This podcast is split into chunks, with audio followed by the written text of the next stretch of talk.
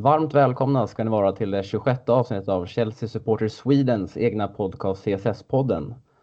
Eh, och som ni hör så är det inte Donny som hälsar er välkomna utan det är jag, Wille Sjögren, din blåa kompass. Nej, de där självpresentationerna de försvinner tillsammans med Donny va? Men eh, helt försvinner han nog inte. För även fast det är jag som kommer programleda podden här framöver så kommer nog Donny vara med som gäst lite då och då. Så helt förlorad är han inte. Men eh, med mig idag för att diskutera, diskutera vårt härliga Chelsea har jag förra veckans debutant Mattias Buman. Hur är läget med dig? Det är bra tack, eh, bara bra. Det var en uh, fantastiskt trevlig debut förra veckan och när frågan kom från dig att jag ville vara med igen så det var väl givet. Mm, ja, jag lyssnade, lyssnade på avsnittet där och det lät ju riktigt bra. Och det är ju skönt nu att få sitta här också när vi har vunnit första gången för den här säsongen. Ja, men precis. Det var ganska, trots jag tycker att vi gjorde, som vi har sagt, ganska bra matcher så var det ganska tråkigt att sitta igen och prata om en förlust. Så att eh, den här veckan känns väl lite roligare faktiskt.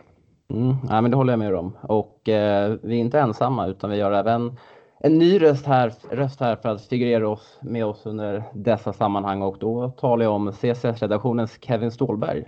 Hur är läget med dig? Det stämmer. Tack. Det är, det är bra. Det är bra. Det är en härlig vecka för att vara Chelsea-supporter med tanke på den senaste matchen. Mm, och som jag sa där så är det första gången du är med oss här så kanske alla kanske inte känner, känner till det riktigt så berätta gärna lite, lite om dig själv. Jo men absolut. Jag eh, började väl lite sakta men säkert komma in, in i CSS-gänget och började skriva lite sisådär på, på svenska fans och sen dess så, så har det bara fortsatt. Och, ja, lite personligt om mig. Jag är 25 år gammal. Eh, som båda ni två vet så är jag ett väldigt stort fan av Chelsea och eh, eh, ja, är bosatt i Stockholm, eh, bor i innerstan där och eh, trivs jävligt bra med att vara Chelsea-supporter idag. Mm, ja, men det gör vi nog alla. Det blåser eh, onekligen väldigt starka blåa vindar kring oss och eh, vi ska väl direkt gå in i det och eh, för som ni alla vet så vann vi för första gången den här säsongen. Frank Lampards första seger i Chelsea är ett faktum då vi besegrade Norwich med eh, 3-2 på bortaplan. Eh, målen gjordes av Mason Mount och Tame Abraham gånger två. Och ja, börja med dig Mattias. Vad, vad, var ditt, vad var din spontana känsla efter matchen? Vad, vad säger du? Ja, men såklart eh, väldigt mycket glädje i och med att vi tog tre poäng men eh, och eh, också att två stycken egna produkter som det talats så mycket om innan säsongen får göra mål. Både Mason Mount andra matchen i rad och så Tim Abraham som inte kanske har fått till det riktigt i början trots en hel del speltid men eh, fick nu göra två mål och inte bara att han var en goalgetter och liksom peta in bollen utan det är faktiskt två riktigt snygga mål. Eh, det 3-2 målet är ju faktiskt eh, ren och skär klass på tycker jag. Men sen så kan väl också eh, höja lite på ögonbrynen och få lite ont i magen på grund av vårt eh, svajiga försvarsspel som återigen visar upp sig. Ehm, det är väl inte det är väl ingen nyhet att eh, våran fyrbackslinje inte är den bästa eh, och eh, ja, bland de sämre på ja, skulle säga 2000-talet nästan. Det känns otroligt svajigt och eh, eh, det visar sig än en gång. Så att där har eh, firma Lampard och Morris eh, någonting att jobba på inför nästa vecka. Mm, onekligen har de det. Eh, Kevin, du såg matchen?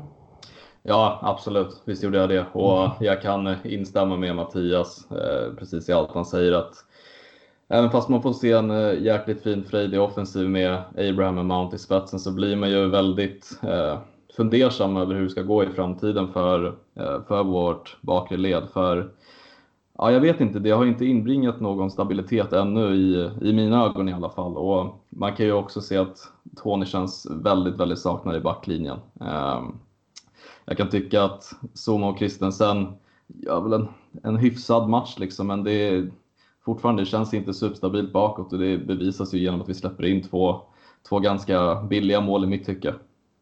Mm, ni är båda inne där på att eh, det finns ju mycket, ja, det finns ju många ljusglimtar där att ta med sig då, med, som båda nämnde där, Mason Mount och Team Abraham. Men eh, försvarsspelet har ju sett eh, riktigt knackigt ut och eh, i det individuella prestationer där som det är fel på är det ett fel i hela systemet där som Frank Lampard har eh, fått ihop hittills. Vad säger du Mattias?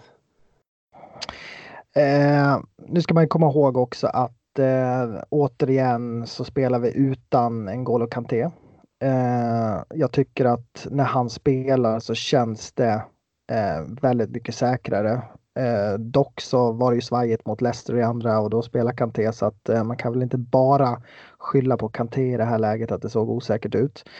Ehm, sen som Kevin är inne på så kanske vi saknar Rydiger väldigt mycket. Men jag är dock inne på att man kanske förlita sig lite för mycket på att ja, när Rydiger kommer tillbaks då, då kommer det här lösa sig. Jag tror att eh, problemet är lite större än så. Eh, jag tror att eh, Lampard har lite grann att jobba på när det gäller försvarsspelet. Eh, jag kollade och läste lite grann ehm, inför programmet hur han hade det i fjol när han coachade Derby. Och det var lite samma stil som vi har inlett. Att vi har en frejdig offensiv, eh, gör mycket mål framåt men läcker en hel del bakåt. Så kanske att det är Lampards filosofi eller vad man nu ska säga oförmåga att sätta ett försvarsspel som, som faktiskt saknas. Jag vet inte. Jag hoppas att det är spelarna men, men eh, ja, osäker. Vad, vad, vad har ni för känsla? Eh, ja, eh, jag kan väl känna lite likadant att Tony är väl inte egentligen till för att komma in och rädda dagen, men som, som det ser ut nu har jag, jag får en känsla av att Christensen är lite den, lite den svaga länken och det jag egentligen menar med det är att eh, både Zuma och Rydiger behärskar ju det fysiska spelet väldigt väl kan jag tycka. Zuma är ju, han är väl känd för dels sin spänst och nicka bort bollar och sin fysik. Eh, likadant med Rydiger som är eh, både snabb och stark. Men just i Kristensens fall så jag tycker han fortfarande ser lite tanig ut eh, och något ostabil ut eh, oavsett vilken backpartner han har haft på senaste tiden. Eh, det är väl senast jag kände att han var eh, superstabil var väl under säsongen han fick eh, spela eh, kontinuerligt under Conte egentligen. Eh, så att eh, jag, jag tycker inte Aspilicueta har eh, varit speciellt superbra i början av säsongen heller. Även om man nu bidrog med en assist senast så det är återigen första mål via högerkanten. Ehm, den enda egentligen ljusglimten jag kan se just nu i backlinjen har väl varit Emerson som jag tycker har varit fruktansvärt bra offensivt men även där, det, det brister en del defensivt. Så att, nej, det är precis som Mattias säger, det, ehm, det, det ser lite ostabilt ut faktiskt. Mm, äh, men jag jag håller, håller med er båda, men fortfarande också lite så här kluven. För jag tycker också som ni säger att ja, de individuella prestationerna från både Christensen och Zuma tycker jag ändå varit helt okej. Okay. Eh, och att vi istället har fallerat lite på att det känns lite osynkroniserat ute i backlinjen. Att det är många felaktiga offsidefällor och de riktigt inte känns eh, inspelade med varandra.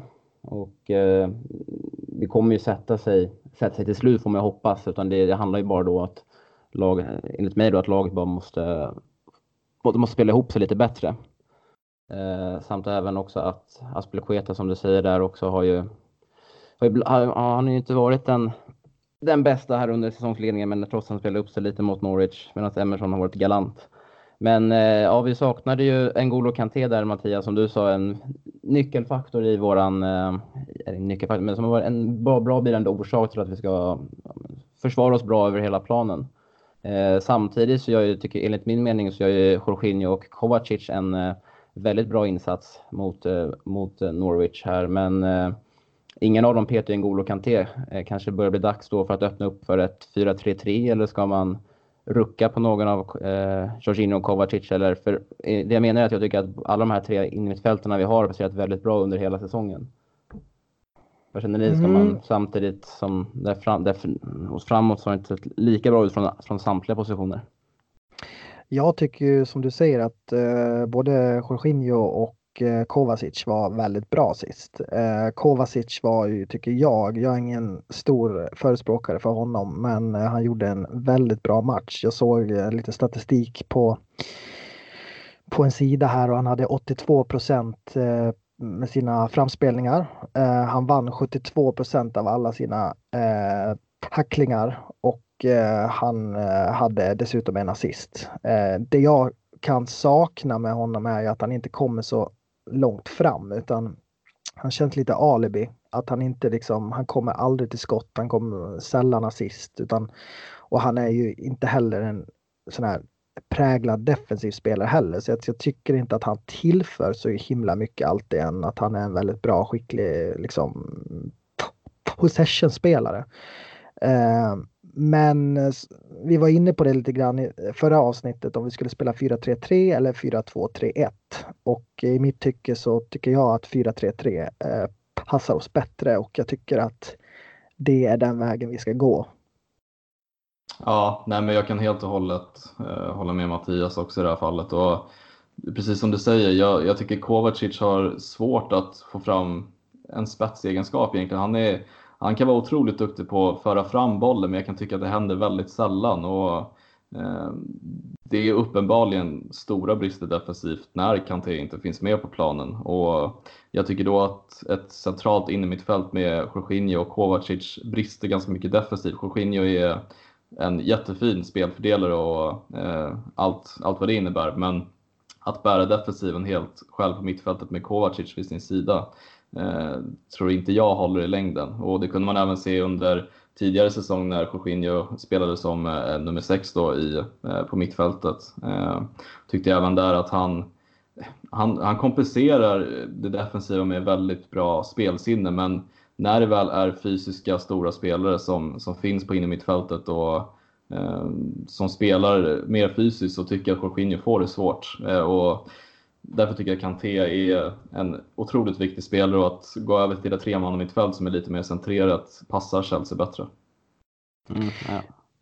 Jag tycker ju, eh, jag är ju, min stora favorit är ju Ruben Loftus-Cheek och eh, jag ser ju eh, Eh, fram emot när han kommer tillbaks och kan ta sin eh, position där på det tremanna mittfältet för då får vi en helt annan tyngd och längd på mittfältet och eh, man kan spela en N'Golo Kanté i mitten lite defensivt och sen så kanske så blir det ju någon av de andra mittfältarna då som får en position över. Och då är ju frågan om Mason Mount klarar att ta den rollen Eh, eller om Mason Mount måste gå på en kant som han också har gjort det bra. Men alltså, det är det som är så bra med Mason Mount, att han är en väldigt flexibel spelare.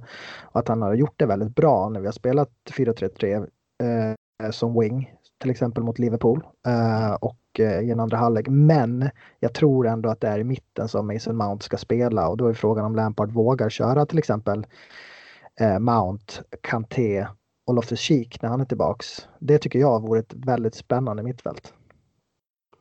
Mm, är det, är det den vägen att gå? Alltså med, med sju, sju mål nu bakåt på tre matcher och, bli, och få in en sån mer balanserad offensiv elva. Eh, känns det verkligen rätt? Eller?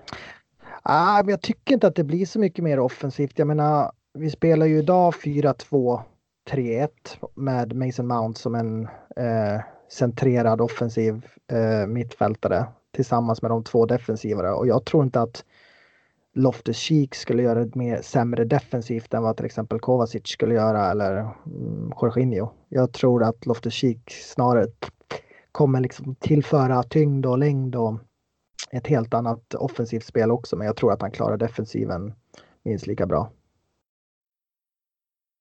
Mm. Eh, och eh, om vi går tillbaks då till eh, själva matchen så var det ju två, eh, två situationer där vi fick eh, där vi borde egentligen kanske få sett lite på, på VAR. Jag tänker då framförallt då när eh, Tem Abraham då går ner där innan Norwich gör sitt eh, kvitteringsmål där till eh, till 1-1 och sedan då när kanske Aspelekueta skulle haft en straff där i andra halvlek vid ställning 2-2.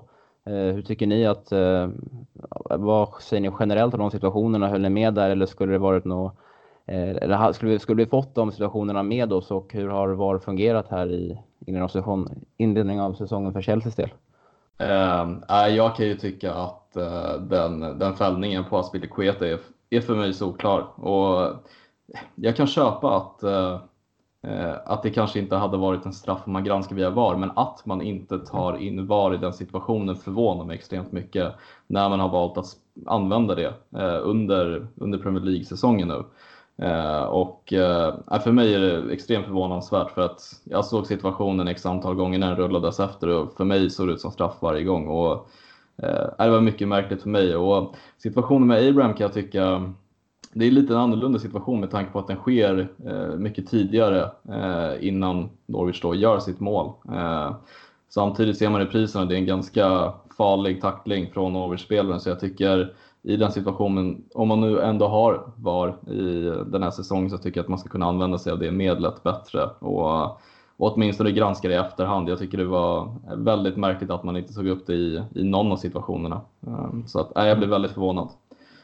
Mm, VAR ska ju, eller det är ju sagt utåt att det, att det ska användas då från att eh, eh från att eh, motståndarlaget då vinner bollen till att bollen går i mål och alla situationer däremellan ska utredas. Så då kan man ju, då kan man tycka att det är lite märkligt där att eh, Tam Abrahams, eh, när han gick ner där efter att ha blivit stämplad, att den inte granskas. Eller vad säger du Mattias?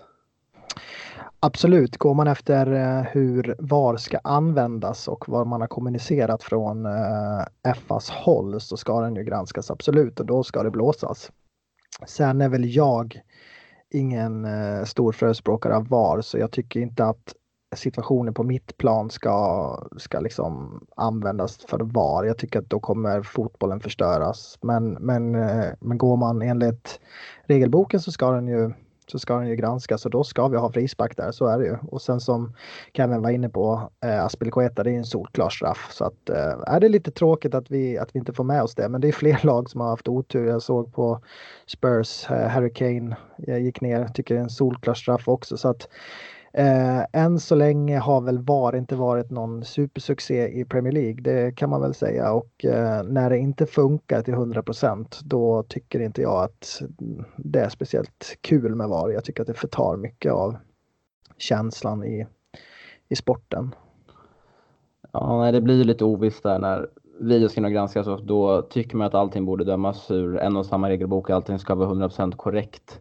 Eh, men som sagt, det är första säsongen här i Premier League, eller som var används i Premier League och eh, britterna har ju själva sagt att de inte ska försöka överanvända, överanvända det som jag har sett det göras i andra ligor och kanske framförallt i, under dam-VM dam i sommaren utan de vill kanske sätta sin lilla egna touch på det. Men eh, ja, gott ja, att vi började med en, två lite negativa saker här över en match som ändå gav oss tre poäng och då tänker jag att vi avhandlar defensiven där och VAR-situationerna. Men eh, vi hade ju även två av våra egna spelare från akademin där, Tem Abraham och Mason Mount, som båda gjorde varsitt mål. Vad, vad säger vi egentligen om, om deras insatser om vi börjar med Mason Mount då? Och Kevin? Uh, ja, nej men jag är, eh, jag är väldigt, väldigt imponerad av Mason Mount. Jag, eh, jag, jag kunde ta del av x antal matcher förra säsongen eh, som Darby spelade och blev väldigt imponerad även där av eh, eh Harry Wilson och Mason Mount när de väl spelade i Derby under Lampards eh, era, era kanske man ska säga, men under sitt år då i Derby.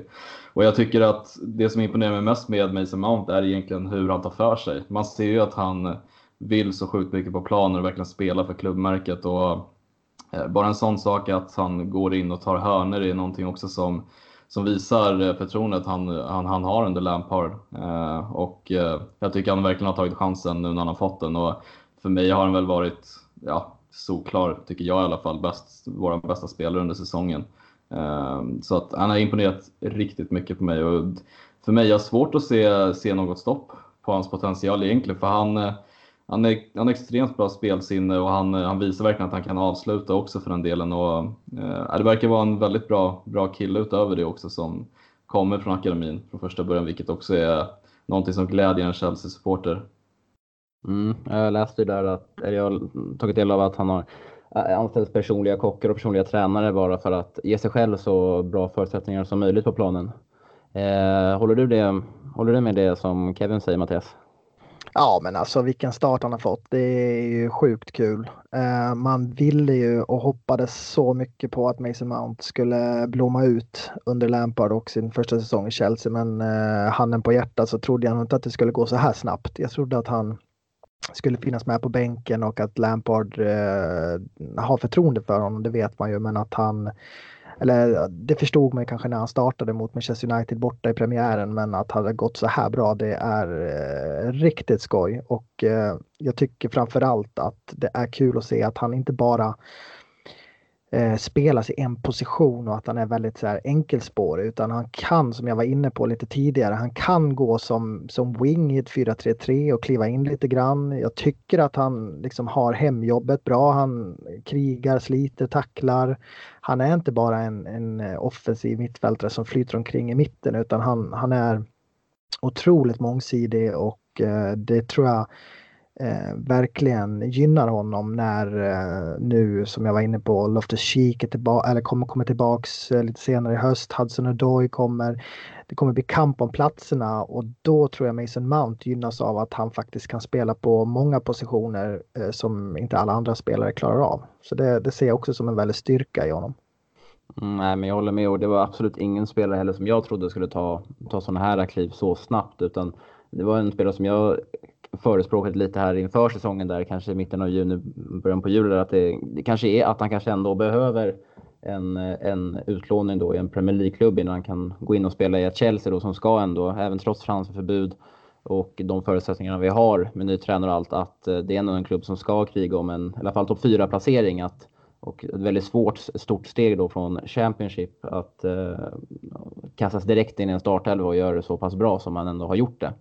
Så det är väldigt glädjande att se. Eh, ett mål då för mig som Mount och eh, lite längre fram i banan så fick ju Tame Abraham återigen förtroendet efter, eh, efter att blivit, eh, inte petad, men blivit åsidosatt mot Leicester och han tackar för förtroendet med att göra två mål.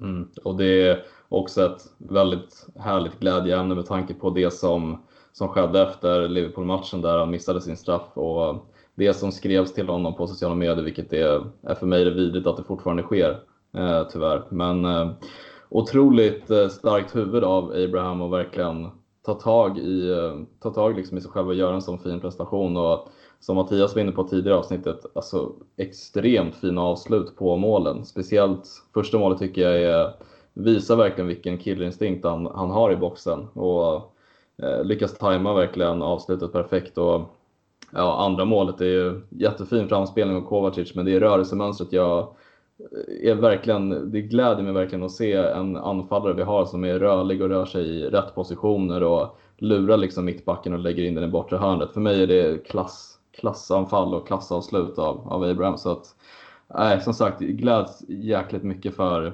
för Abraham eh, just med tanke på omständigheter, omständigheterna tidigare. Och, ja, han visar verkligen att han, han är, nog, eh, han är nog tänkt att eh, ta en startplats i alla fall, för jag ser inte att Giroud eller Batshuayi skulle kunna konkurrera ut honom faktiskt den här säsongen. Nej, jag håller med. Det, jag, eh, jag har varit lite så här.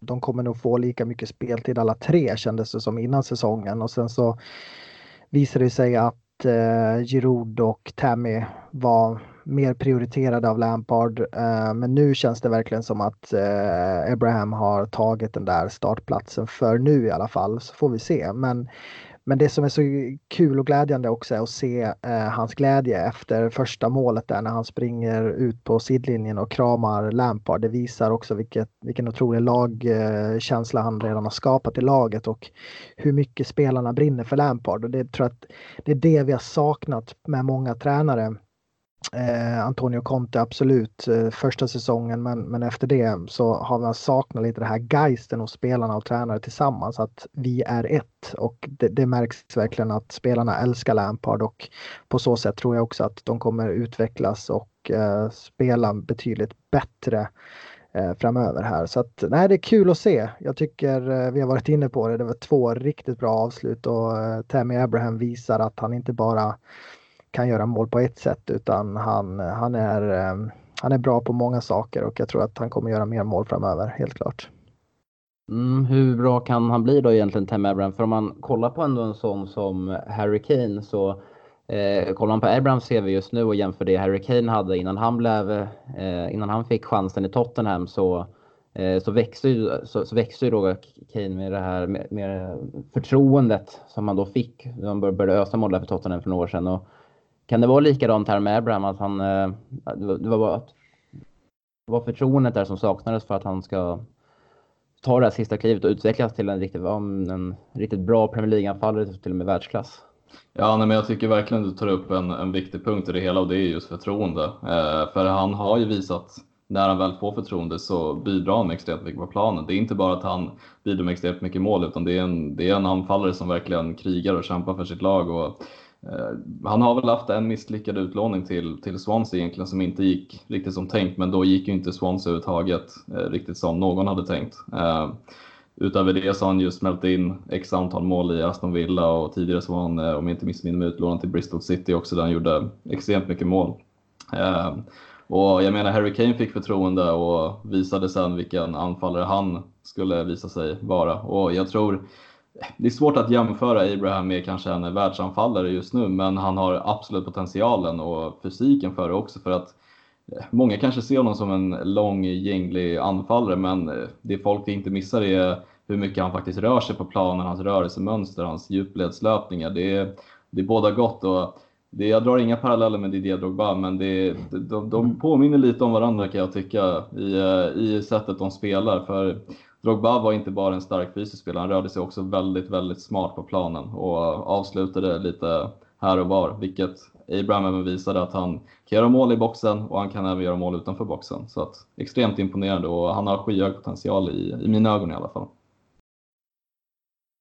Ja, jag bara håller med. Jag tror att nyckeln i mycket just nu är ändå eh, stavas Frank Lampard och Judy Morris och resten av tränarteamet att de här unga akademispelarna känner sånt otroligt förtroende och det syns och det syns att de eh, lever med det och att de är glada och det tror jag kommer göra att de här spelarna kommer utvecklas så mycket snabbare än vad vi faktiskt trodde. Och jag ser verkligen fram emot att se eh, Reece James och Hudson Odoi komma tillbaks och även Loftus Cheek. Det kommer bli så spännande att se. Eh, jag tror att eh, för de här killarna så är Lampard och gänget guld värda. Mm, ja, det har varit mycket, eller det var varit den röda tråden där att eh, akademin ska involveras mer då in till A-laget och som du säger där så har vi Reece James, vi har Loftus Cheek och vi har Hudson, Hudson Odoi på, på skadelistan som snart också ska in och eh, tampas om platser i, i den ändå som känns väldigt, som en bred trupp just nu. Eh, hur kommer det gå? Om man tänker, om man tänker som på en Reece James nu, nu, nu när vi precis har skeppat Zappacosta eh, till, eh, till Roma på lån. Eh, kommer han ta en direktplats med tanke på hur Aspilicueta har inlett säsongen eller vad tror ni? Eh, alltså, jag tror den situationen är nog svårt att peta Aspilicueta direkt med tanke på att ja, dels han har varit klubben trogen väldigt länge och jag tror att Lampard ser honom ändå som en viktig spelare i omklädningsrummet och på planen. Och absolut att hans insatser i början av säsongen inte speglar egentligen med, med den Aspilicueta vi har sett tidigare säsonger. Så tror jag att det är svårt för Reece James att kliva in efter ett ja, ett benbrott och ta en startplats liksom direkt. Men jag tror absolut under säsongens gång så kan Aspilicueta få det väldigt svårt eh, med den starten han, är, han har haft i alla fall. Eh, och vi alla Chelsea-fans har ju sett eh, Reece James höjdpunkter i, i Wigan tidigare säsong. Det är, det är en extremt lovande back som, som är extremt bra i offensiven men också väldigt mångsidig. Han kan ju till exempel spela defensiv mittfältare, han tog frisparkar i Wigan, han tog straffar i Wigan. Det och det här var alltså under en säsong då på lån till Wigan som eh, inte är ett topplag i Championship för den delen heller utan de, de huserar ju i nedre halvan och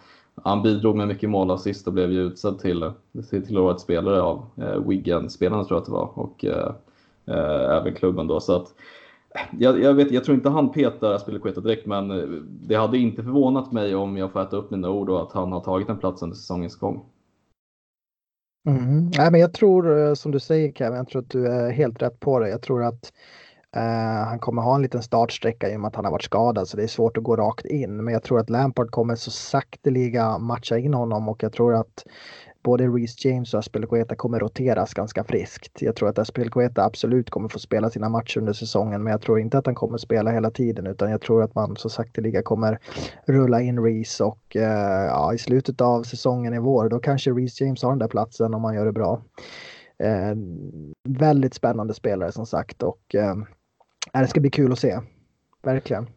Mm, det är medhåll härifrån också och eh, han förväntas vara då tillbaka. Han tränar ju, tränar, tränar ju med laget eh, Just nu, ingen aning. Kanske ni vet bättre hur, eh, i vilken, om han tränar för fullt eller om han har börjat lite, lite lättare. Men jag eh, läst lite rapporter där att, man ska, att, han ska, att han ska ändå vara tillbaka i spel och tillgänglig då från, någon, från efter eh, eh, eh, landslagsuppehållet här som kommer nu i slutet av månaden och pågår en bit in i september.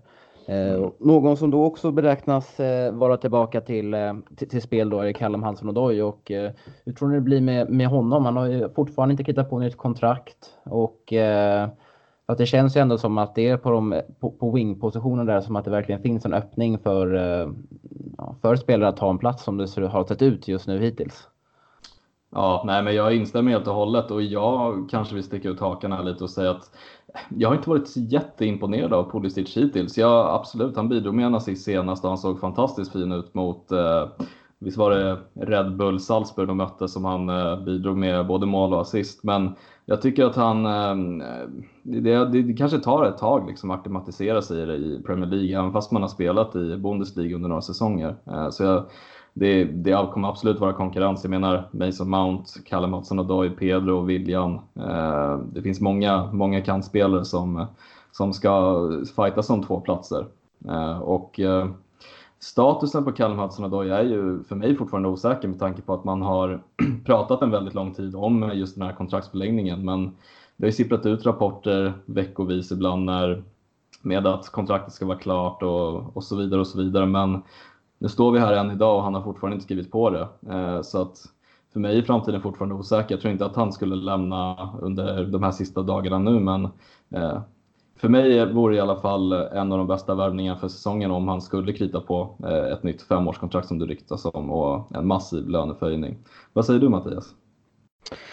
Ja, men jag håller med. Jag, alltså, jag har någon slags känsla av att eh, Hudson Odoi inte riktigt har det där psyket. För jag menar, varför kritar han inte på? Han, han eh, ska liksom säger sig då garanterad speltid, men det kan man liksom inte garantera sig när han knappt har varit ordinarie i Chelsea någonsin och är han 18 år. Jag, jag, tycker det är lite, lite fräckt faktiskt och eh, kräva speltid om det nu är så. Eh, det står ju mycket i media och så, men, men eh, jag tycker han har mycket att visa och Eh, jag tycker att har han det här blå hjärtat som han bör ha eh, efter alla sina år i akademin så tycker jag att han borde skriva på och verkligen fighta som en plats.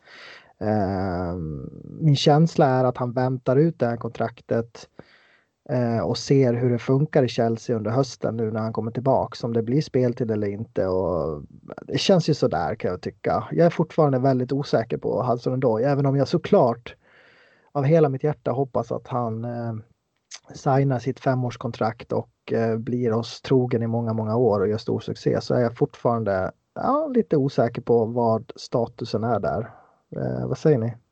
Mm, ja, alltså jag tror ändå att det kommer landa i slutändan att han kommer att krita på ett nytt kontrakt med tanke på att han sitter ändå eh, ja, rätt då personligen då och, och, och flörtar då med Chelsea-supportrar via sociala medier och lägger upp eh, bilder hit och dit med Eh, Eh, ja, med, med, ord som ändå indikerar på att han ändå ser en framtid i Chelsea. Så eh, det, så det, det, det man undrar som ni båda är inne på, vad är det som, vad är det som dröjer i de här kontraktsförhandlingarna? Är det pengarna eller? man har ingen aning och det känns som att det, var, det, har varit, det har varit väldigt tyst på den fronten också den senaste, i alla fall månaden. För det har alltid varit snackat om att han, att han vill ha högre lön men sen kom det rapporter då att de har kommit överens om en summa. Men eh, det har ju ändå, ändå, ändå inte annonserats eh, ett nytt kontrakt där så att man har ju egentligen ingen aning. Nej, och det, det, det, spekuleras ju väldigt mycket på, på eh, engelska forum in och läser att, att det är hans bror som också är hans agent som är otroligt girig. Uh, att det är han som trycker på att, att uh, brorsan där ska ha högre lön eller att man då ska gå till uh, München som det har spekulerats i att han då kan få en uh, stor sign-on. Och att då brodern får en stor del av kakan. Jag, jag vet inte hur mycket man ska lägga vikt på det. Men det, det, känns inte helt hundra i magen och eh, jag menar när man ser både Mason Mount skriva på kontrakt, man ser Loftus Cheek skriva på kontrakt, eh, man ser Reece James skriva på kontrakt, man ser de här akademispelarna som vi har pratat om tidigare skriva på sina kontrakt och verkligen eh, annonsera sin kärlek till klubben så, och så gör inte Hudson Odoi det. Det känns, nah, eh, tills han har skrivit på där så, så är jag inte helt hundra på hans framtid i klubben. Men eh, han får gärna motbevisa mig och signa det där kontraktet nu och, och göra succé i höst. Men eh, nog finns det någon liten osäkerhet där, absolut. Jag kan bara hålla med och jag tycker inte heller att jag tror inte det handlar om pengarna från Chelseas sida med tanke på det kapital vi införskaffat oss med försäljning av, av Hazard till exempel och till Real Madrid. Um, jag tror att det, det ligger liksom någonting lurt bakom. Det kan vara antingen speltid eller vad det är för roll han ska fylla den här säsongen. Och vad man får för vibbar av Lampard är egentligen att han, han har ju pratat väldigt gott om honom. Han visar framsteg under träningarna och han eh, lovordar honom. Så att jag tror inte det handlar egentligen om förtroendet från, från Lampard, men precis som Mattias säger, det handlar ju ändå också om att visa på planen och visa att man vill kämpa för klubbmärket, utan man ska inte komma och kräva speltid när man är så pass ung, vilket även skedde förra säsongen eh, då med eh, ja, den, det påståendet som var att han hade lämnat in ett, eh, en transfer till klubben och ville då ryktas lämna till, till Bayern München. Och det är väldigt vågat att göra så som en så pass ung spelare som han då är och var under den säsongen och Eh, komma med så pass stora krav. Men det visar väl också lite hur den moderna eh, fotbollen funkar idag, tyvärr. Ja, men, men om man ser till till exempel då eh, Loftus Cheek som har skrivit på ett nytt femårskontrakt också som, som är några år äldre som, som aldrig har gnällt, som alltid har pratat gott om klubben och som har tagit de här lite sämre utlåningarna, kommit tillbaka, suttit på bänken som sen fick sitt genomslag nu under förra våren. Eh, jag tycker han var vår bästa spelare under våren eh, och visade verkligen eh, fantastiska egenskaper. Så att alltså, jag tycker det är lite, lite sådär kaxigt av Hudson Odoi att säga att eh, jag ska spela och jag behöver speltid annars så lämnar jag och så vidare. Man måste faktiskt bevisa någonting på planen också. Än så länge så tycker inte jag han har faktiskt visat att han är så bra så att vi ska liksom skriva ett kontrakt och säga att du är alltid ordinarie. För det, så funkar det liksom inte när vi ska vara en klubb som utmanar på alla fronter. Då måste man ha kanske fyra spelare på de positionerna som, som rullar runt och jag menar, ah, fråge, frågetecken Hudson Odoi säger jag. Mm. Ja, vi, får, vi får se helt enkelt och eh, vi måste röra oss lite framåt nu och vi tänkte avhandla lite om eh, lånearmén lite, lite snabbt. Där. Vi har ju 20 spelare, eh, eller över 20 spelare som är ute på lån i diverse klubbar och eh, vissa har utmärkt sig lite mer än andra och någon som verkligen har eh, visat framfötterna är ju Conor Gallagher som var med i eh, som var med under Chelsea på, under för, försäsongsläget i Irland och fick eh, spela då första träningsmatchen där mot Bohemians. Och, eh, Kevin, du har väl lite bättre koll på Conor Gallagher? Hur har det gått för honom? Ja, ja nej, men det har ju gått ehm, eh, verkligen bra. Det har varit en flygande start för vår unge gosse. Han, eh, han har ju hunnit göra tre mål på, på fyra matcher redan och han hoppade in i den 66 minuten första matchen och sedan dess så har han startat och har använts då på, på innermittfältet antingen i en eh, nummer 10-roll eller som en lite mer tillbakadragen mittfältare som spelar bakom en, en offensiv pjäs. Och jag såg eh, senaste målet han bidrog med eh, för Charlton. Jag tror att det var emot Bristol om jag inte är helt ute och cyklar. Eh, också lite, lite Lampard-vibbar, kommer i en löpning löpning mot straffområdet och avslutar kliniskt i hörnet. Och han ser väldigt intressant ut och eh, i mitt tycke så tycker jag att detta är en spelare man kunde behålla under säsongen som en breddspelare men även som man kunde ge chansen under de turneringar vi kommer spela i år och kanske gjort oss av med Bakayoko istället till exempel. Men det kommer vi väl till senare under podden. Men han har utmärkt sig verkligen, eh, unge Connor. Vad säger du Mattias?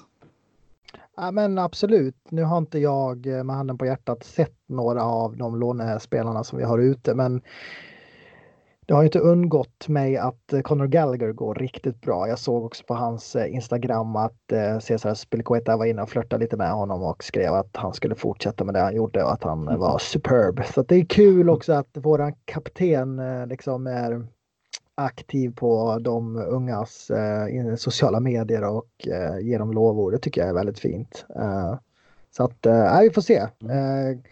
däremot så kan jag väl kanske tycka att den här utlåningen tror jag är jättebra. Jag tror att han hade blivit överflödig eh, i våran trupp nu när de flesta spelarna börjar komma tillbaks så tror jag ändå att eh, han mår bra av en säsong med 90 minuter varje vecka.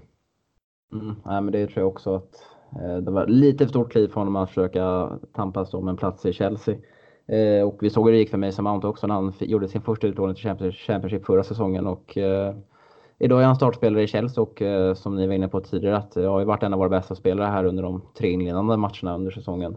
Eh, en annan spelare dock som inte är utlånad men som jag tror att du är lite förtjust i Mattias är ju Billy Gilmore. Eller jag minns att du skrev någonting om honom eller att du skrev en tweet om honom där efter, han, efter en försäsongsmatch vi spelade i Irland i, i somras. Och eh, han gjorde ju för övrigt mål här mot eh, Manchester Citys U23 i, eh, i helgen.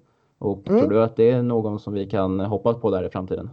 Ja men alltså han är ju så jäkla magisk. Han, han, ser, ju, han ser ju verkligen ut som en liten rollgubbe. Han, han, jag har läst på ganska mycket om honom just när, när han kom fram där under försäsongen och han är ju så otroligt motiverad och dedikerad att bli en startspelare i Chelsea inom kort eh, för att han åker nämligen till Cobham flera timmar innan de andra kommer och sen så sitter han och videoanalyserar Cesc Fabregas eh, för detta matcher i Chelsea om hur han rör sig och hur han passar bollen och hur han liksom eh, allt vad han gör för att det är tydligen då hans eh, stora idol och förebild och eh, till kroppen sett så kan man inte annat än uh, tro att uh, det kanske kan bli våra nya Fabregas. Han verkar ju otroligt spelskicklig men också väldigt duktig eh, offensivt eh, och defensivt. Så att en, eh, en eh, spelare att hålla koll på som kan spela på alla sätt på mitten. Jag tror att och det verkar som att Frank Lampard också tror väldigt mycket på honom. Just att han fick följa med till Istanbul och sitta på bänken när vi mötte Liverpool i Supercupen och jag tror att Frank Lampard ser mycket i honom och eh, sådär. Men, men som sagt, han är 16 år så att eh, jag tror inte att han är aktuell för spel i år. Men, men eh, han är en man för framtiden, absolut. Mm. Ja, jag kan bara instämma där också. Jag skrev ju en artikel här förra veckan om det, the development squad och tog med honom som en av, en av de tre jag tycker eh, utmärker sig mest i vår U23-trupp. Och han har en väldigt intressant bakgrund. Han kommer ju från Glasgow Rangers, eh, spelat där tills 2016 innan han tog klivet till Chelsea. Och, det är en fantastisk, fantastisk spelare och han, precis som Mattias säger, han, han ser verkligen ut som Fabregas i, i spelstilen och ser verkligen upp till honom. Så att jag tror att vi sitter på ett riktigt, riktigt bra guldkorn där. Och, Eh, han, han verkar, jag såg, jag har sett mycket highlights på honom när han, eh, när han har spelat för, för U23-laget och U18-laget och hans rörelsemönster och hans spelsinne är något utöver det vanliga för att vara 16-åring. Och det visade han ju även också när han var med i Toulon-turneringen som spelas då eh, för ja, alla landslag, eh, U21-landslag. Det är väl som, ja, svårt att säga om det kanske är som ett VM för U21-landslagen egentligen. Och han tog ju Skottland till en, till en tredje plats där som 16-åring och vann eh, turneringens spelare. Det är en ganska bra utmärkelse för att vara 16 år gammal. Mm, nej, men Conor Gallagher och eh, Billy Gilmore, blir, det är två spelare som eh, vi får hoppas på till framtiden och som eh, vi verkligen tror på.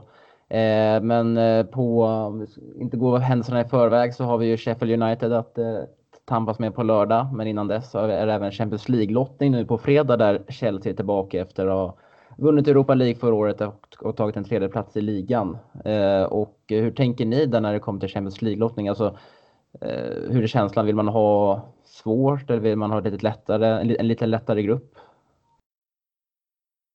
Eh, jag såg att vi hamnade i, eh, säger man, hink 1.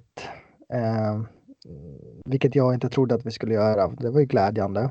Uh, man kanske hamnar där när man vinner Europa League. Jag har dålig koll på det stämmer, det stämmer. seeding. Ja, det stämmer. Bra, bra. Uh, så att, uh, nej men alltså.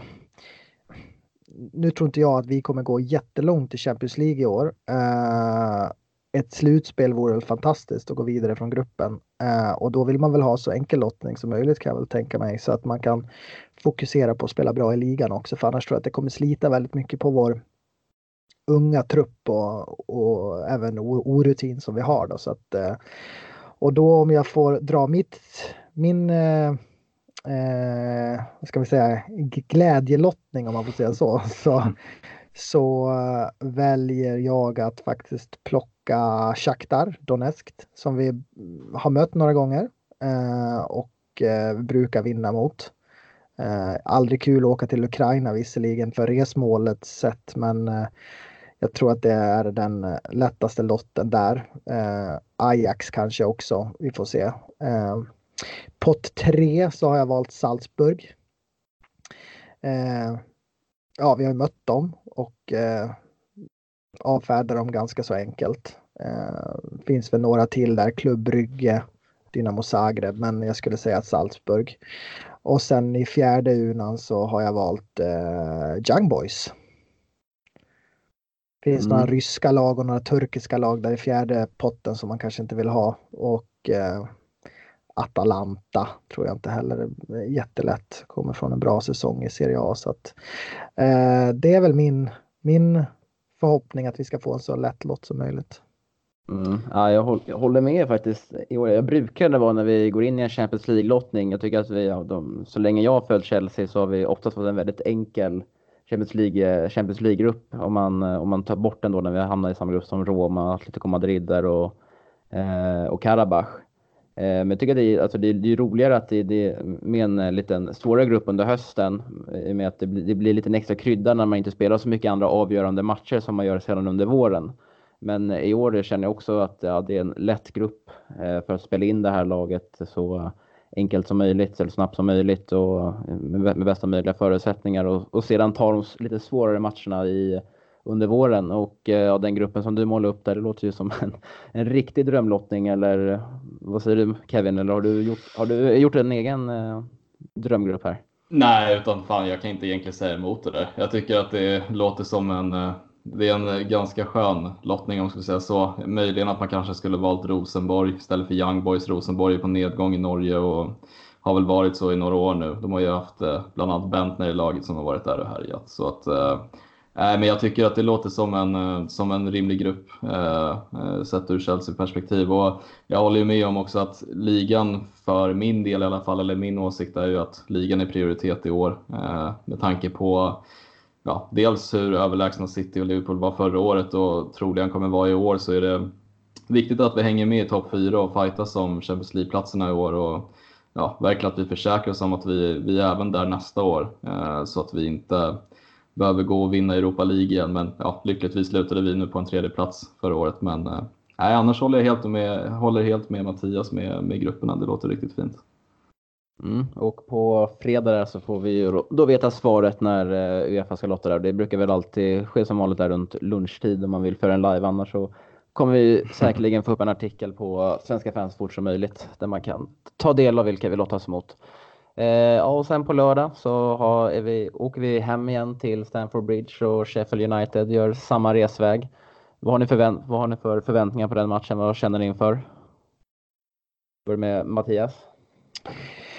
Eh, jag har förväntningar på att vi ska ta tre nya poäng. Jag tror att de här kommande matcherna innan landslagsuppehållet är extremt viktiga för att vi ska få till ett go nu och rida på den här vågen som vi startade mot Norwich. Eh, jag hoppas verkligen att eh, vi kan sätta defensiven lite bättre än vad vi har gjort och sen fortsätta med den frejdiga offensiv som vi haft i inledande eh, matcher här. Eh, Sheffield fick ju stryk mot Leicester sist eh, och är nykomlingar. Så jag tror att vi kommer möta ett lag som sitter ganska lågt, eh, kommer satsa på kontringar. Det är inget lag som kommer gå ut och försöka spela boll mot oss utan de kommer nog eh, sikta på ett kryss eller alternativt eh, straffa oss på kontringar då de såklart vet att vi är lite svajade bak. Eh, men jag hoppas att våran eh, helt enkelt kvalitet ska avgöra det här och att vi eh,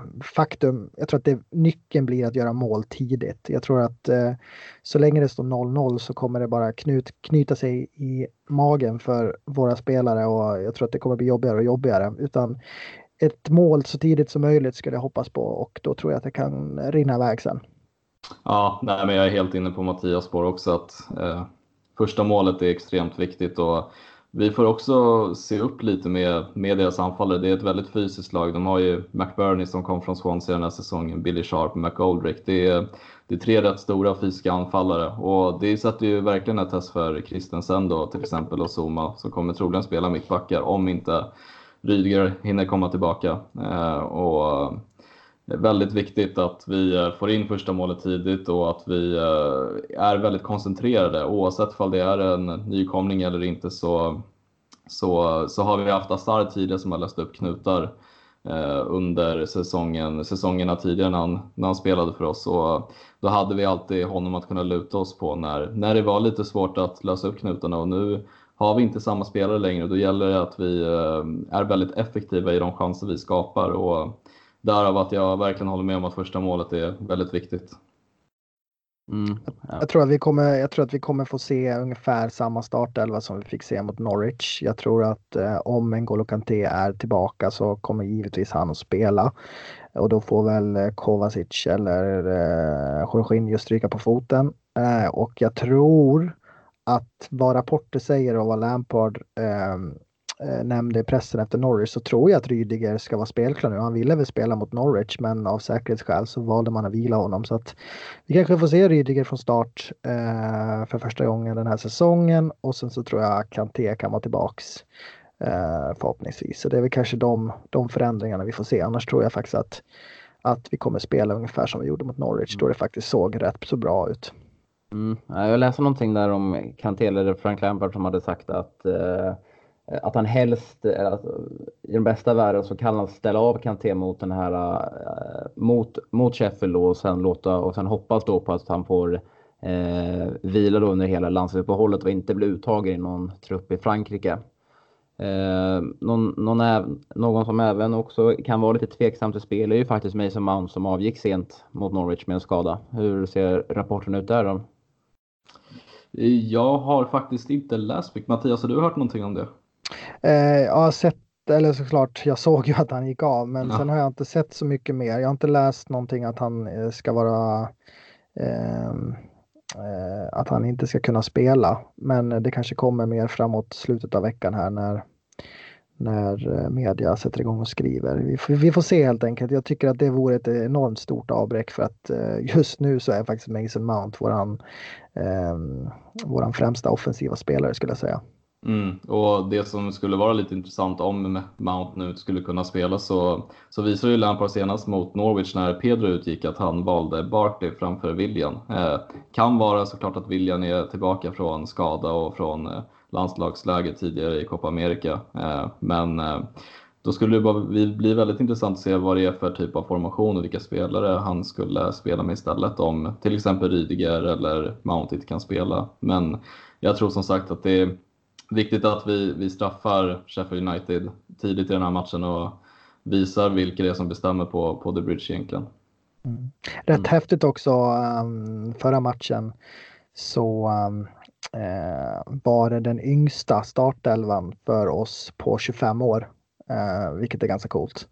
Uh, det är rätt lång tid, 25 år tillbaka, som vi hade en lika ung startelva och jag tror ju att det kommer se ut så framöver och eh, som du säger, kan inte Mount spela så blir det väl Ross Barkley som kanske höjer medelåldern några år men, men ändå en, eh, en spännande spelare. Så att eh, vi får se.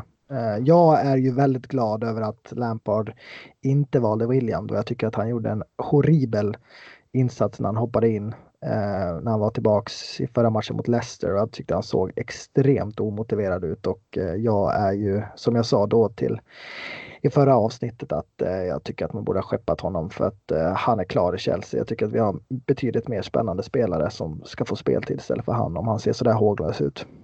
Mm, och eh, anledningen till det här kan ju nämnas att eh, det var den yngsta elvan vi ställt ut på 25 år var ju då för att Pedro skadade sig på uppvärmningen och Barkley då fick ersätta honom och eh, Lampard har ju sagt att Pedro är väldigt tveksam till eh, spel då inför nu på lördag. Då hans, eh, det är eh, och ska vara bakre lår där som strular. Eh, så han får en uträkning. Så det blir nog som ni säger där att det blir nog en, bar, en Barkley och eh, Barkley, som det ser ut, Barkley, Mount och Pulisic där på de offensiva, offensiva där positionerna. Eh, men eh, ja, i övrigt så känns det väl rätt samma, eh, summa summarum där att det är mot, mot ett eh, gäng nykomlingar på Stamford Bridge så ska det bara vara tre poäng som ska hämtas hem och det håller, tror jag också även att vi kommer att göra och eh, också inne på det spåret som ni säger att det är viktigt att få ett tidigt första mål för att då lösa upp det, det försvar då som kommer nog, ja, som nog kommer stå väldigt lågt på The Bridge. Eh, om vi, har du någonting mer att tillägga där inför matchen mot Sheffield United eller ska vi röra oss vidare mot lite lyssnarfrågor? Jag, ja, jag tänkte vi... bara ta upp, ja, kör du först Kevin. Nej, fortsätt du Mattias, kör. Jo, jag tänkte bara säga det att jag la ut på min Twitter eh, här eh, i veckan vem man skulle vilja se bredvid Rydiger i mittförsvaret när han är tillbaks. Eh, om han nu blir så given som vi alla tror. Och eh, 72 av mina Chelsea-följare svarade att 64% vill se Christensen och 22% vill se Zuma. Eh, det är lite intressant. Du var inne Kevin på att du tyckte att Christensen var den svaga länken och att Zuma var, var den starka. Vad tycker du där Ville? Eh, jag var faktiskt eh, med, jag deltog i den omröstningen och la faktiskt min röst på Zuma. Eh, och mm. det, det, det vill jag säga att det, det inte är, jag vill inte fastcementera då, då för resten av säsongen utan jag är, jag är väldigt spänd på att se vad två, som vi säger, alltså två väldigt, två väldigt fysiska monster som Rydiger och Zuma ändå är. Hur, hur de parar ihop sig där tillsammans och väldigt spänd på att se det. Jag tycker också att Zuma har gjort det ja, snäppet bättre än vad Christensen har gjort det under de här tre matcherna, även fast jag tycker att båda har sett på ett individuellt plan sett väldigt bra ut båda två. Om man bort, tar bort då Zomas första match mot Manchester United. Eh, så äh, men jag är, jag är, till en början är, i alla fall, är jag i alla fall Zuma i det, eh, pro-Zuma i den frågan och jag tror att eh, Rydiger kommer att eh, nog ta en rätt ordinarie tröja så fort han är 100% eh, matchfit. Mm. Vad säger du? Vad, I agree. Nej, jag håller med. Jag, jag, håller med. Jag håller med. Jag är team Zuma där faktiskt så länge. Jag tycker som Kevin var inne på att Christensen absolut inte gjort bort sig, men uh, han känns lite vek både i kroppen och i psyket. Jag tycker inte att han tar för sig. Han bröstar liksom inte upp sig som en mittback bör göra. Jag tycker Zuma har en helt annan approach och jag tror att han tillsammans med Rydiger som kan styra och ställa lite mer tror jag kommer bli en säkrare mittback också. Så att uh, nej, Zuma Rydiger om jag får bestämma. Ja, då har vi en enad panel här då. Eh, alla tre mm. går efter Zuma och Rydiger där. Eh, vi får helt enkelt se vad eh, Frank Lampard väljer att eh, testa där från en början, men jag tror, tror i alla fall att det kommer laboreras lite ändå. Men eh, om vi ska ta oss an några tittarfrågor för att börja närma oss eh, timmen inspelad här så vi ligger rätt bra i tid så Eh, har vi en fråga här från Jan Hellnevi som undrar, eller som undrar vad vi tycker, vilka spelare som har överträffat våra förväntningar och om det är några som vi tycker har underpresterat. Om vi börjar med dig Kevin. Ja, då ska vi se. Jag kan ju tycka att, ja, vi har ju varit inne på det eh, under hela avsnittet egentligen, men Mount är ju man, man hade förväntningar på Mount innan säsongen, men att han har infriat dem på det här sättet blev, eh, blev jag väldigt chockad över, precis som Mattias sa, att det skulle gå gå så snabbt och även du ville poängtera att han eventuellt kanske behövde en utlåning. Men han har ju visat oss motsatsen och eh, utöver det så jag tycker som sagt Abraham har visat att han kanske är den nummer nio spelaren vi har suktat efter sen Diego Costa lämnade. Eh, sen kan jag väl tycka att någon som utmärkte sig positivt för mig i alla fall under försäsongen var ju Kovacic. Eh, sen så, ja nu senaste matchen var ju faktiskt väldigt bra. Eh, men jag hoppas att han kan hitta tillbaka till, till den forna talang han förutspådde, förutspåddes att bli när han kom till, ja, till bland annat Inter då eh, och tog vidare från till Real Madrid. Någon som jag tycker inte har riktigt visat kanske sin fulla potential än, det är väl som jag var inne på tidigare också Pulisic. Eh, jag tycker han var väldigt bra under försäsongen och han har väl visat glimtvis eh, bitar av hans talang. Sen får man väl ha i åtanke att det tar lite tid som sagt att anpassa till Premier League. Men tycker även här att han eh, bidrog med en assist senast, men att han lite beslut som jag tycker han fattar fel och att han inte kanske vågar ta samma initiativ som han gjort tidigare i, i Bundesliga. Och även här, Aspilicueta har ju, har ju inte sett eh, ut att vara sitt eh, forna jag. Eh, sen, ja, får flika in med en sista grej också. Jag tycker Emerson har visat att han är klart första val av Alonso och Emerson just nu. Det mm, tycker han har varit fantastisk faktiskt, helt ärligt. Och vi, jag hade en lite oro innan säsongens början att vänsterbacken skulle bli, bli lite svår att fylla, men jag tycker att han har fyllt de förväntningarna väldigt bra. Vad säger du Mattias? Jag fattar mig kort. Jag eh, tycker att Mason Mount och Emerson är de två eh, som har utmärkt sig mest eh, efter vad jag trodde. Och jag tycker att Aspilicueta och Kepa är de som inte har infriat vad jag förväntar mig. Mm, nej, men jag håller med er båda där och, och fyller ändå i det också med, med Kepa. Eh, att eh, alltså målen han har släppt in här både mot Manchester United och mot eh, Norwich så är det ju kastar som ett, ett, ett par av dem som han borde ha tagit. Absolut. Mm.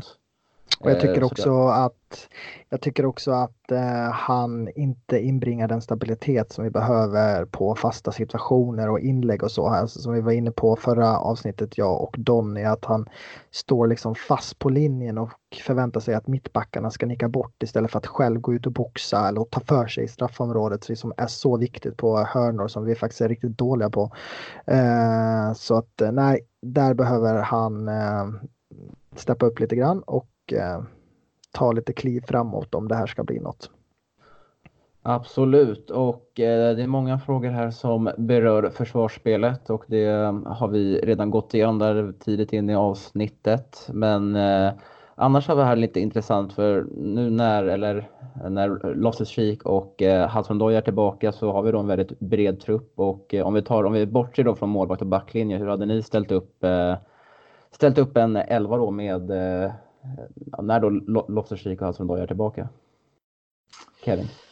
Hmm, ja, det är en knepig fråga. Jag hade ställt upp med ett tremannamittfält tror jag med eh, Ruben Loftus-Cheek, eh, Kanté och Jorginho och på yttrarna så skulle jag nog sätta Pulisic, Mount och som spets Abraham. Eh, jag tycker Callum Hudson-Odoi har, eh, han visade förra säsongen absolut eh, den talang han åsitter. Men jag kan ju tycka som sagt med tanke på omständigheterna runt om planen med kontrakt på skrivning och liknande att skulle det vara så att han inte skriver på kontraktet så tycker jag att man ska satsa vidare på Mount och Pulisic eh, om det är så att Hudson-Odoi är inställd på att lämna. I övrigt så jag kan tycka att det, Mount har cementerat en plats för mig i startelvan så jag tycker att mellan Pulisic och Hudson Odoi är det givet som stucket mellan de två. Om du får ställa ut en elva? Eh, med, eh, ja, till Mattias. Eh, jag håller med Kevin eh, på det allra mesta faktiskt. Han tog eh, orden från mig lite grann gällande Hudson Odoi där. Men om vi börjar på mittfältet så tycker jag att eh, Loftus Cheek given, Kanté given. Sen står det väl mellan Jorginho och eh, Kovacic. Eh, mitt val idag går på Jorginho. Eh, framåt så vill jag se Temi Abraham som nia. Eh, jag vill se Pulisic till på en kant och sen så får vi helt enkelt se, eller nej förlåt, jag vill se Mason Mount på en kant. Även om jag vill se honom i mitten och eh, men jag tror att han får gå på en kant och röra sig inåt i början här och sen så står det mellan Christian Pulisic och Hudson Odoi och som Kevin mycket riktigt sa, så länge Hudson då inte skriver på något kontrakt och så, så vill jag hellre se att man satsar på Christian Pulisic. Eh, så där är väl jag, men jag hoppas i framtiden och framöver att eh, Lampard kan eh, ge Mason Mount de nycklarna att han kan faktiskt spela på tremanna mittfält med eh, Loftus-Cheek och Kanté. Jag tror inte att det är omöjligt i och med att Loftus-Cheek är så pass stor och fysisk och klarar det defensiva och klarar att äga ett mittfält tillsammans med Kanté. Så tror jag att jag menar Mason Mount jobbar ju lika mycket defensivt som Jorginho och jag tror att han skulle kunna klara av den rollen med råge om det så vill till. Men, men jag tror att han får spela ytter i början här. Ja, det ska bli spännande att se. Man har ju som sagt inte sett Loftus kik, eller som då i spel på ett väldigt bra tag nu, så det är svårt att se riktigt vart man har dem. Men, eh, men Loftus Cheek, som varit inne på, visade en väldig klass i våras när han, när han väl var skadefri där och kom in i laget mera. Eh, om vi ska ta sista frågan här så får vi smälla ihop två frågor i en. Så är det några som undrar här om Bakayoko och eh, Michi. Om vi börjar med Bakayoko där så, eh, så har vi Samuel Stjernberg här som undrar varför han inte får spela helt enkelt. Och är det någon att behålla eller ska vi sälja?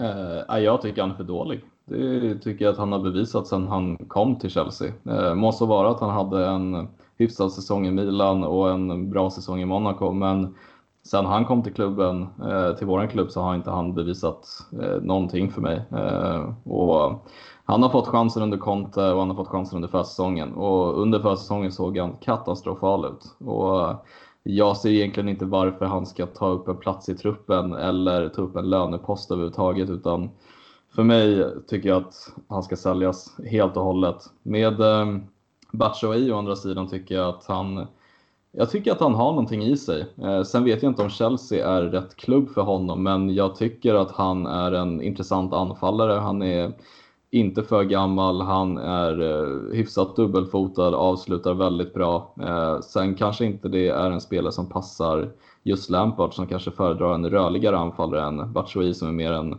straffområdesspelare medan Abraham rör sig över större ytor. Men eh, jag tycker han ska vara kvar för breddens skull med tanke på att vi ändå är med i Champions League, FA-cupen, ligacupen, Premier League och, och så vidare och så vidare. Eller har jag helt fel Mattias? Nej, du är helt rätt på det enligt mig också. Jag tycker att eh, Michi Batshuayi ska vara kvar säsongen ut. Sen tror inte jag att han är en spelare för Chelsea. Jag tror inte att Lampard har den synen på honom heller. Då hade vi nog fått se honom spela lite grann. Eh, men jag tror att som sagt, som du, precis som du sa Kevin, att han, eh, han är bra för bredden eh, under säsongen om det skulle komma skador på antingen Abraham eller Giroud. Eh, och sen så tror jag att vi kommer sälja honom i sommar och eh, satsa på en, en ny forward eh, till sommaren. Så att, men eh, han kommer göra sina inhopp och matcher under säsongen, det, det, det tror jag. Eh, och sen gällande Bakayoko så, nej, finns ingenting att säga. Du, du, du, sa det så bra Kevin, han, han är helt enkelt för dålig. Eh, jag tittar på väldigt mycket italiensk fotboll också. Och Bakayoko var inte så himla bra i Milan heller. Stundtals var han till och med petad så att och Milan är inget bra fotbollslag. Så att han skulle slå sig in och ta någon plats i Chelsea det, det är eh, nej, han eh, tar bara upp eh, en stor lönepost och Eh, han kommer inte vara aktuell för spel. Jag ser inte vilken position han skulle kunna gå in på heller. Han är, han, han är för dålig helt enkelt så att eh, där ska vi nog sälja. Finns nog en, finns nog en anledning att han inte är såld heller att det är ingen klubb som vill ha honom. Mm, ja, vi får se helt enkelt och eh, kan tillägga där att Batshuayi har ju, har ju själv sagt enligt rapporter då att han eh, kommer i alla fall stanna, att han vill stanna i Chelsea då i alla fall under hösten och eh, se hur läget utvecklar sig innan han tar något beslut i januari hur, huruvida han vill stanna kvar eller inte. Men han är i alla fall fullt angelägen om att han ska kriga, kriga på här under, eh, under hösten. Eh, och med det sagt så har det blivit dags att runda av. Eh, har, eller har något annat ni vill tillägga? Nej, ett fantastiskt trevligt avsnitt igen. Kul att Eh, få vara igång med dig Ville. Tycker du har skött det fantastiskt bra och du är en eh, solklar arvtagare till Donny och kul att stifta bekantskap med dig Kevin. Lysande debut. Ja, man tackar. Jag kan bara säga detsamma och få tacka stötte, stöttepersoner runt om mig. Eh, eh, Ville och Mattias som har hjälpt mig under sändningens gång. Och Nej, precis som Mattias säger, fantastiskt jobb Wille. Det kommer inte vara något problem att ersätta Donny som, som gjorde det otroligt bra. Men uh, det är båda gott för framtiden. Ja, men jag, jag håller med där. Ja, eller jag håller med att ni, ni båda har gjort en jättekul att spela in och jag tycker ni båda gjort en väldigt bra sändning. Och, ja, det, det ska bli kul att fortsätta köra nu under, under säsongen och se vart det, vart det lider med vårt Chelsea och eh, få prata om det i podcasten den här säsongen också.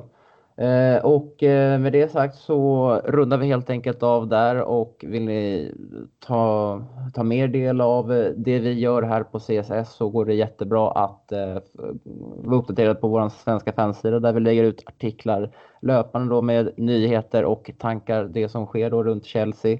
Och så finns vi även då på Instagram och Twitter under namnen Chelsea Swe. Och Eh, ja, vi hörs nästa vecka då CSS-podden är tillbaka och då förhoppningsvis under måndagen.